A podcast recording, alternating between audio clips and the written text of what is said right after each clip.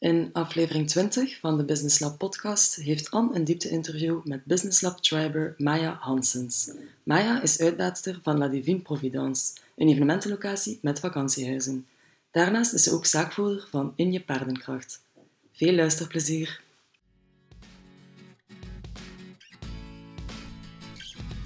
Ben jij zaakvoerder van een kleine onderneming en vind je het lastig om alle facetten in jouw onderneming draaiende te houden? Abonneer dan vandaag nog op onze podcast. Dat kan via iTunes of via Spotify. Zo word je op regelmatige basis geprikkeld om over jouw zaak na te denken. En wil je echt stappen ondernemen en groeien met jouw onderneming, dan nodig ik jou graag uit om kennis te maken met ons en de resultaten die onze klanten ondernemers in hun onderneming halen. Het is namelijk de missie van Business Lab om zelfstandigen te transformeren tot ondernemers en hen te begeleiden op hun pad naar het succes. Zo evolueren ze van een fase waarin het hun hoofdzaak overleven is, naar een fase van succes, van consolideren en verzilveren. En zo creëren ze niet alleen voor zichzelf, maar ook voor hun partner en hun kinderen een comfortabel leven. Ik nodig je daarom graag uit naar de Business Lab Discovery Days op 1 en 2 oktober. Ga naar www.ddays.be en registreer je vandaag nog. Zo word jij straks een opgenomen in een groep ondernemers die samen de handen in elkaar slaan en stappen zetten naar resultaten om fier op te zijn.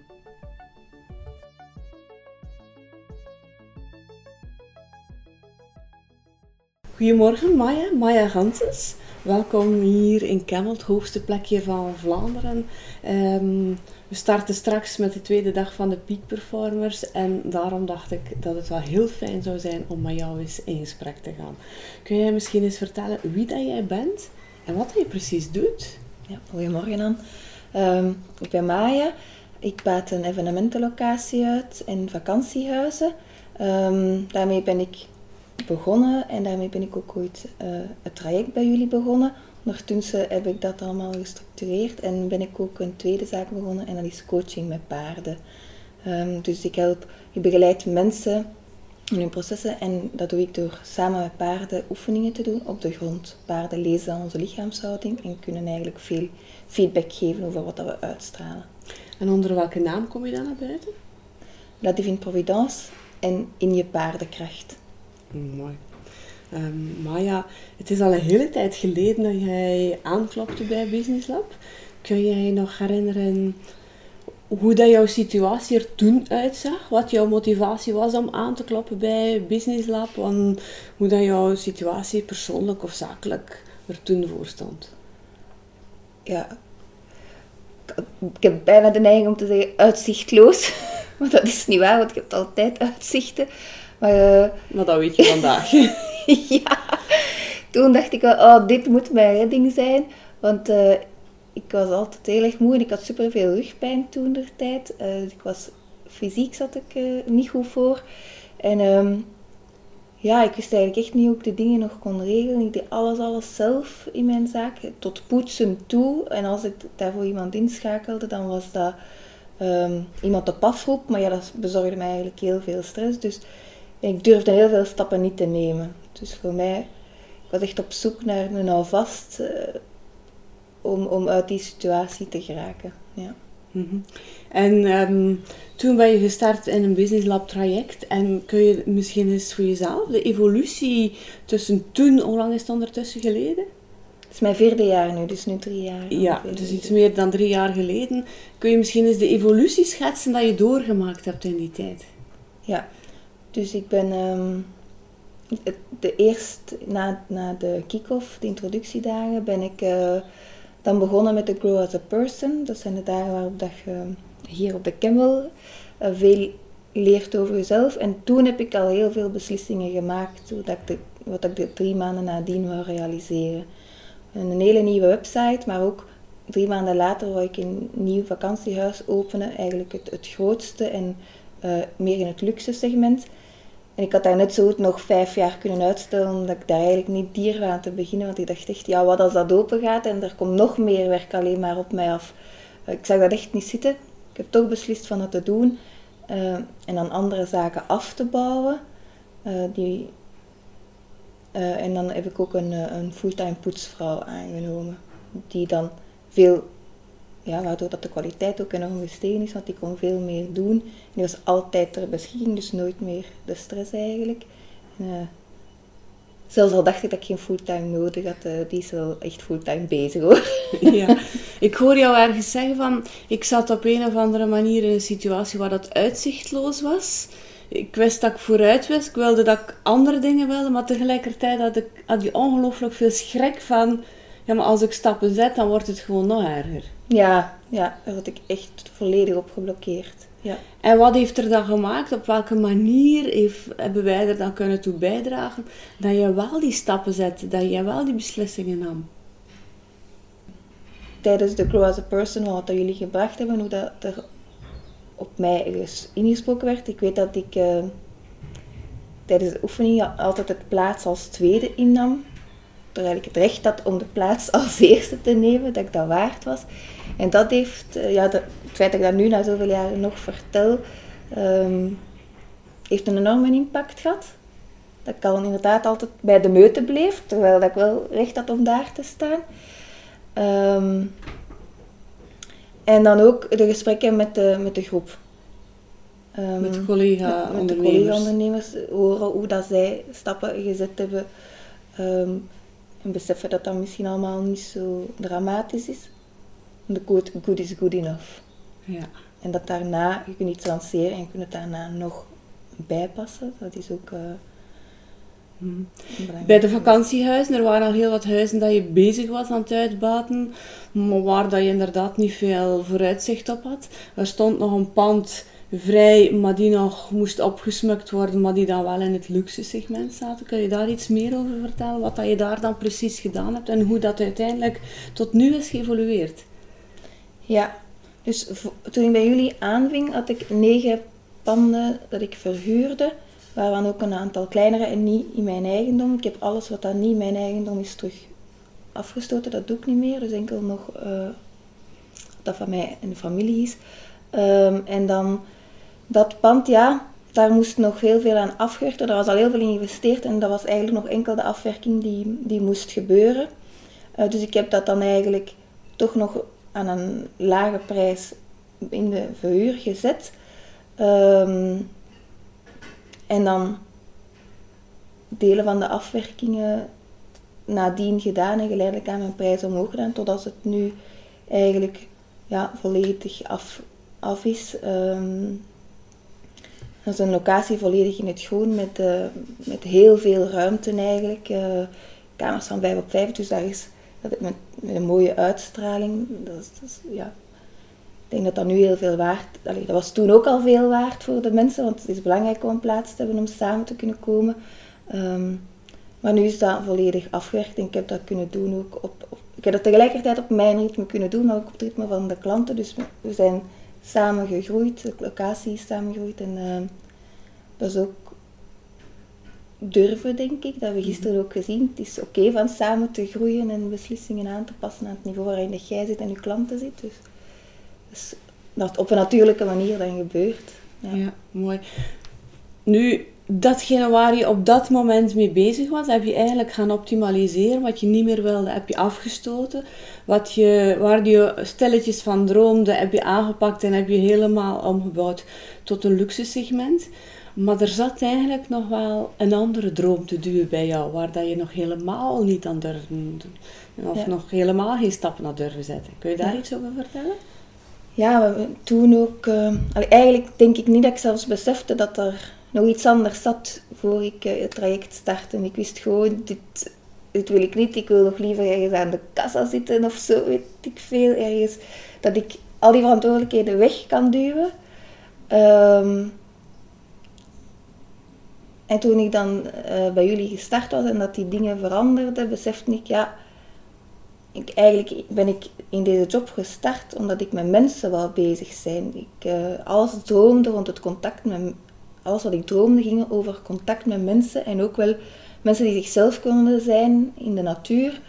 Ehm, alleen geraakte ik daar niet, want vakantiehuizen is ja, facility eigenlijk. Dus ik gaf een sleutel af, maar het echte contact bleef uit. Dus ben ik beginnen nadenken en dromen over hoe kan ik dat wel gaan bewerkstelligen. Hoe kan ik dichter bij de mensen staan en met die groei in de natuur ehm, gaan faciliteren meer, daar dichterbij staan. En op, ben echt op zoek gegaan. Allee, op het gemaksken. Ehm, en op een dag zag ik een opleiding dat je kon uh, coachen met paarden. Ik had daar wel al van gehoord, ik had daar ook al ervaring in. Uh, want ik heb in de NPI's vaak vrijwilligerswerk gedaan samen met de paarden. dus, en opeens was, was dat zo'n puzzel die samenviel. Ik was opgegroeid met de paarden, ik had daar al ervaring in via het vrijwilligerswerk. Zeg ik, ja, dat is het eigenlijk gewoon. De wereld van de paarden was jou ook niet onbekend? Nee, absoluut niet. Mhm. Dat was... Ik, um, ik wilde ook heel graag als kind met paarden werken. Maar dat was ook zoiets wat dat ergens in een hoekje geduwd was, afgestorven of zo. Eh, niet afgestorven, in een hoekje geduwd. Mhm. en door daar terug wat, wat, licht op te laten schijnen, uh, is dat terug volledig gegroeid eigenlijk, ja. En vandaag, wat doe je dan vandaag concreet? Uh, concreet help ik onderneemsters um, hun pad af te leggen richting hun doel samen met het paard. En zo merken zij dan op waar dat ze waar dat ze aan kunnen werken in hun persoonlijke Kun je daar iets over vertellen? Een anekdote dat je meegemaakt hebt met, met een onderneemster, wat dat je daar gezien heeft, hebt of wat dat die onderneemster daar geleerd heeft? Um, ja, ik ben eventjes een aan het zoeken. Ehm, de laatste was een advocate die zeer veel werk heeft altijd, maar die eigenlijk er zelf niet in vertrouwt dat dat werk gaat blijven komen. Um, dus hebben we samen met de paarden naar klanteninstroom in kaart gebracht eigenlijk. En bij elk van die klanteninstromen hebben we ook gekeken, ja, is dat uw ideale klant? Hoe voelt je daarbij bij de klanten die vandaag komen? Waar kunt je nog aan werken? Uh, waar, mm, uh, welke sluit je ook liever? Uh, we hebben dat met de paarden gedaan wat dat, om te kijken wat dat daar gevoel aangaf. Eh, ook zaken waar dat ze het liefste rondwerkte. En kun je daar iets specifieks aan over vertellen? Van wat zie je dan bij dat paard? Of hoe reageert die dame of die heer dan? Of...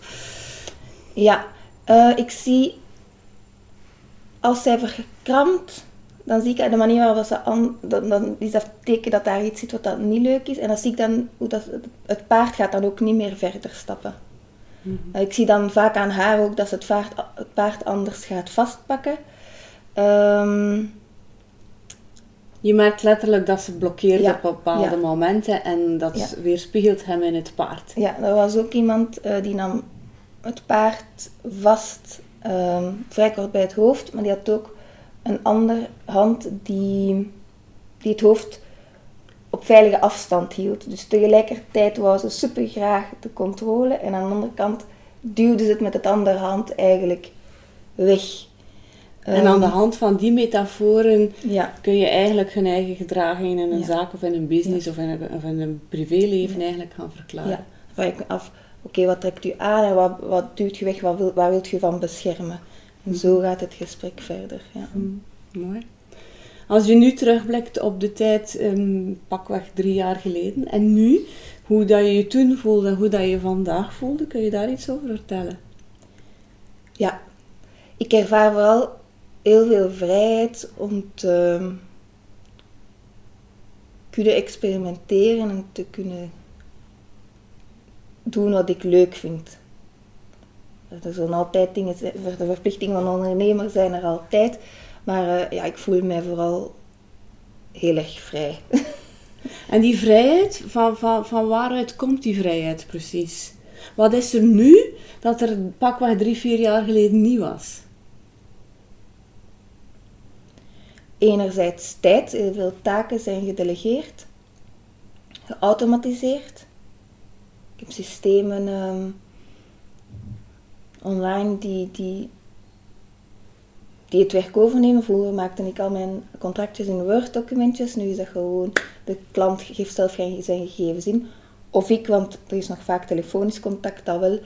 En uh, dat is eigenlijk heel snel gebeurd. Ik moet ook mijn de betalingstermijnen zijn veranderd. Dus ik moet nog maar één keer een betaling checken. Of dat gebeurt zelfs vaak ook automatisch. Dus dat is allemaal geautomatiseerd. Um, delegeren, automatiseren. Je vertelde mij gisteren ook nog iets over hoe dat je drie jaar geleden naar marketing keek en hoe dat je er vandaag naar keek, kijkt. Ja, dat heeft denk ik ook te maken met die, die vrijheid. Ehm, ik heb, vroeger deed ik eigenlijk bijna niks van marketing toen ik hier toe kwam.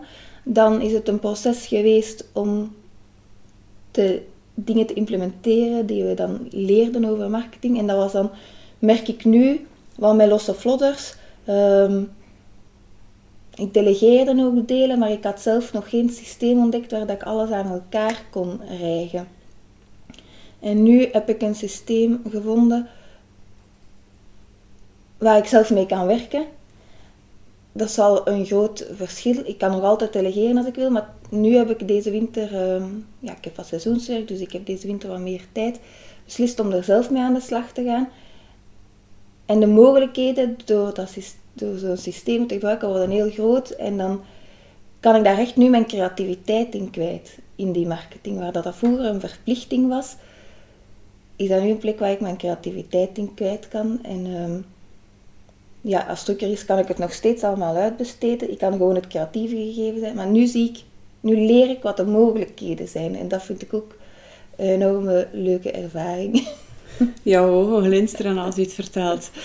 Um, en op die manier kun je uiteraard jouw twee verschillende ondernemingen beter in de markt gaan zetten. Ja, ja. Maar ja, als jij morgen iemand tegenkomt die in een soortgelijke situatie zit waar dat jij drie, vier jaar geleden zat, wat zouden jouw drie gouden tips zijn voor hem of haar? Werk aan uzelf, aan uw zelfbeeld. Want het komt allemaal door uw eigen vertrouwen in de situatie. En hoe pak je dat precies aan dan? Ja, laat, laat, laat u helpen. Hè. Je kunt het niet alleen. Mm Misschien is dat het belangrijkste. Je kunt het niet alleen. Als je je alleen voelt, dan zij, ja, dan zij het alleen. Je, je, je bent niet werkelijk alleen, maar als je je alleen voelt, het is teken dat je niemand binnenlaat. Ja. En dat is wel belangrijk. Um, dat, ook, dat, dat, voel ik ook, dat dat iets is wat dat voor mij steeds belangrijker wordt. Om mensen om te delen en om mensen binnen te laten. Um, in de onderwereld van de successen, maar ook de tegenslagen of zo. Mhm. Maar dat je de twee kunt delen. Ja, ook successen, ook klein ook, vieren. Dat is misschien de tweede tip dan. Mhm. Ehm, ik heb ook met een vriendin maandelijks een afspraak om uh, een succes te vieren. Um, geen onderneemster, maar gewoon, ik denk dat dat voor iedereen belangrijk is om daaraan aandacht te geven. En op welke manier vier je dat dan? Ja, we gaan een etentje doen en we, we, klinken er een keer op en we vertellen het aan elkaar. Ik denk dat dat al heel belangrijk is. En dat komt dan niet stoefig over, want ja, we hebben dat gewoon afgesproken. En soms houdt je misschien in, ik weet het niet. Mhm. Maar we hebben dat afgesproken en we vertellen ook waarom dat we dat als een succes ervaren. Mhm. En dat heeft onze band enorm versterkt. Mhm. Ja. Ja, voilà. En een derde? En de derde tip Um, actieplannen. Ja, Zijn dat twee tips of is dat één tip en één? Als je ze niet plant, komt ze niet, de actie. Dus vaak, ik kom weer uit de opleiding buiten en ik zit vol ideeën. Um, en dan wil ik ook een aantal dingen starten onmiddellijk na de opleiding. Um, want hoe langer dat je dat uitstelt, hoe allee, dan komt er, dat, dat is uitstel, gewoon, mhm. op de lange termijn. Um, door er onmiddellijk mee aan de slag te gaan en je inzichten te verdiepen en al actiepunten in te plannen, um, doet je er iets mee. En dat is ook het delen weer met mensen, tip 1, het delen met mensen uh, die, die dan zo aan een stok achter de deur heeft. Ik betrek er redelijk veel mensen bij, maar ik voel mij ook niet meer alleen, wat ik drie, vier jaar geleden mhm. dan wel had. Ik voel mij nooit niet meer alleen, ik heb altijd goestingen door het plannen en te delen zet je een beweging op gang waar je uiteindelijk ja. vanzelf inrolt. Ja, en mensen spreken er je op aan nadien ook. En ja, dat is ook fijn. Dat mensen in- je hebt altijd interesse in de ander, want de interesse komt ook terug. Je leert van elkaar. Het is interactie. Dat is, voor mij is dat belangrijk. Hè. Ja. Is er nog één iets dat je zegt van kijk, dat wil ik nog vertellen over mijn afgelopen groeiproces van de, de laatste drie, vier jaar? En die belangrijk zou kunnen zijn om, voor de ondernemers die luisteren. Ehm, ja. er is, het is ook eh, in de groep van deze twee dagen al een paar keer teruggekomen dat ook... eh, Misschien Sport. moet je, moet je eerst eens vertellen, deze tweedaagse, ik had het in het begin Ja. niet verteld, we zijn hier vandaag voor de tweede dag voor de Peak, Peak Performers. Performers. Wat is de Peak Performers? Eh, met de Peak Performers zijn we met maximaal 12 deelnemers en gaan we eigenlijk twee dagen lang eh, rond de casussen van de deelnemers werken. We delen inspiratiemomenten met elkaar, maar we kunnen ook vragen stellen waar we vastzitten. Ehm, de realisaties gaan we nog uitdiepen, hoe kunnen we verder aan de slag. En dat zijn zeer specifieke dingen. Ehm, de dingen worden zeer goed benoemd, waardoor dat je ook van andere casussen heel veel kunt leren en eh direct de inspiratie eruit haalt. Eh, het versterkt de band enorm, want eh, de kracht ook van de kleine groep zit hem in en, en dat het zo benoemd wordt. ehm, je kunt niks meer verbloemen, heb ik het gevoel. Je kunt jezelf niks meer wijsmaken, maar dat vind, dat vind ik ook heel Ja. goed. Ehm, je leert elkaar zeer goed kennen. Je mag jezelf zijn. Ja. Dus dat is voor mij de peak performance. Mhm. Maar je wilde iets vertellen over, de, over gisteren. Ja. Ehm, dat er een aantal terug zijn beginnen sporten. Ik ook. Ehm, door de vrije tijd en door de rugpijn die weg is, ben ik veel sterker geworden. Ook fysiek terug. Dus ik ben terug op hoog niveau kunnen gaan sporten. En ook daar die evolutie zien, daar de succes in vieren. En ehm, kijken hoe dat je in iets anders in de vrije tijd groeit en daaruit inspiratie halen voor je onderneming. Ehm, dat denk ik ook heel sterk. En dat merk ik ook bij, bij mezelf heel erg, maar ik heb dat ook gemerkt bij de andere deelnemers. Ja. Mooi. Maya, een allerlaatste vraag om dit interview af te sluiten. Wat is het eerste dat je gaat doen na dit interview? Ga eten. Oké, ehm, ik wens jou een heerlijk ontbijt en ik zie jou graag straks terug. En weet dat zowel Xavier als ik en heel het Business Lab team duimen voor jouw succes. Dank u aan. Bedankt. Als jij, net als Maya, een doorbraak wil maken in jouw onderneming en je ook de tijd en de vrijheid wil om zonder zorgen op vakantie te gaan, registreer je dan vandaag nog voor de Business Lab Discovery Days op www.ddays.be. Zo zet je niet alleen de eerste stappen naar meer orde en meer structuur, maar ook naar meer winst en vrije tijd. Ik duim alvast voor jouw succes.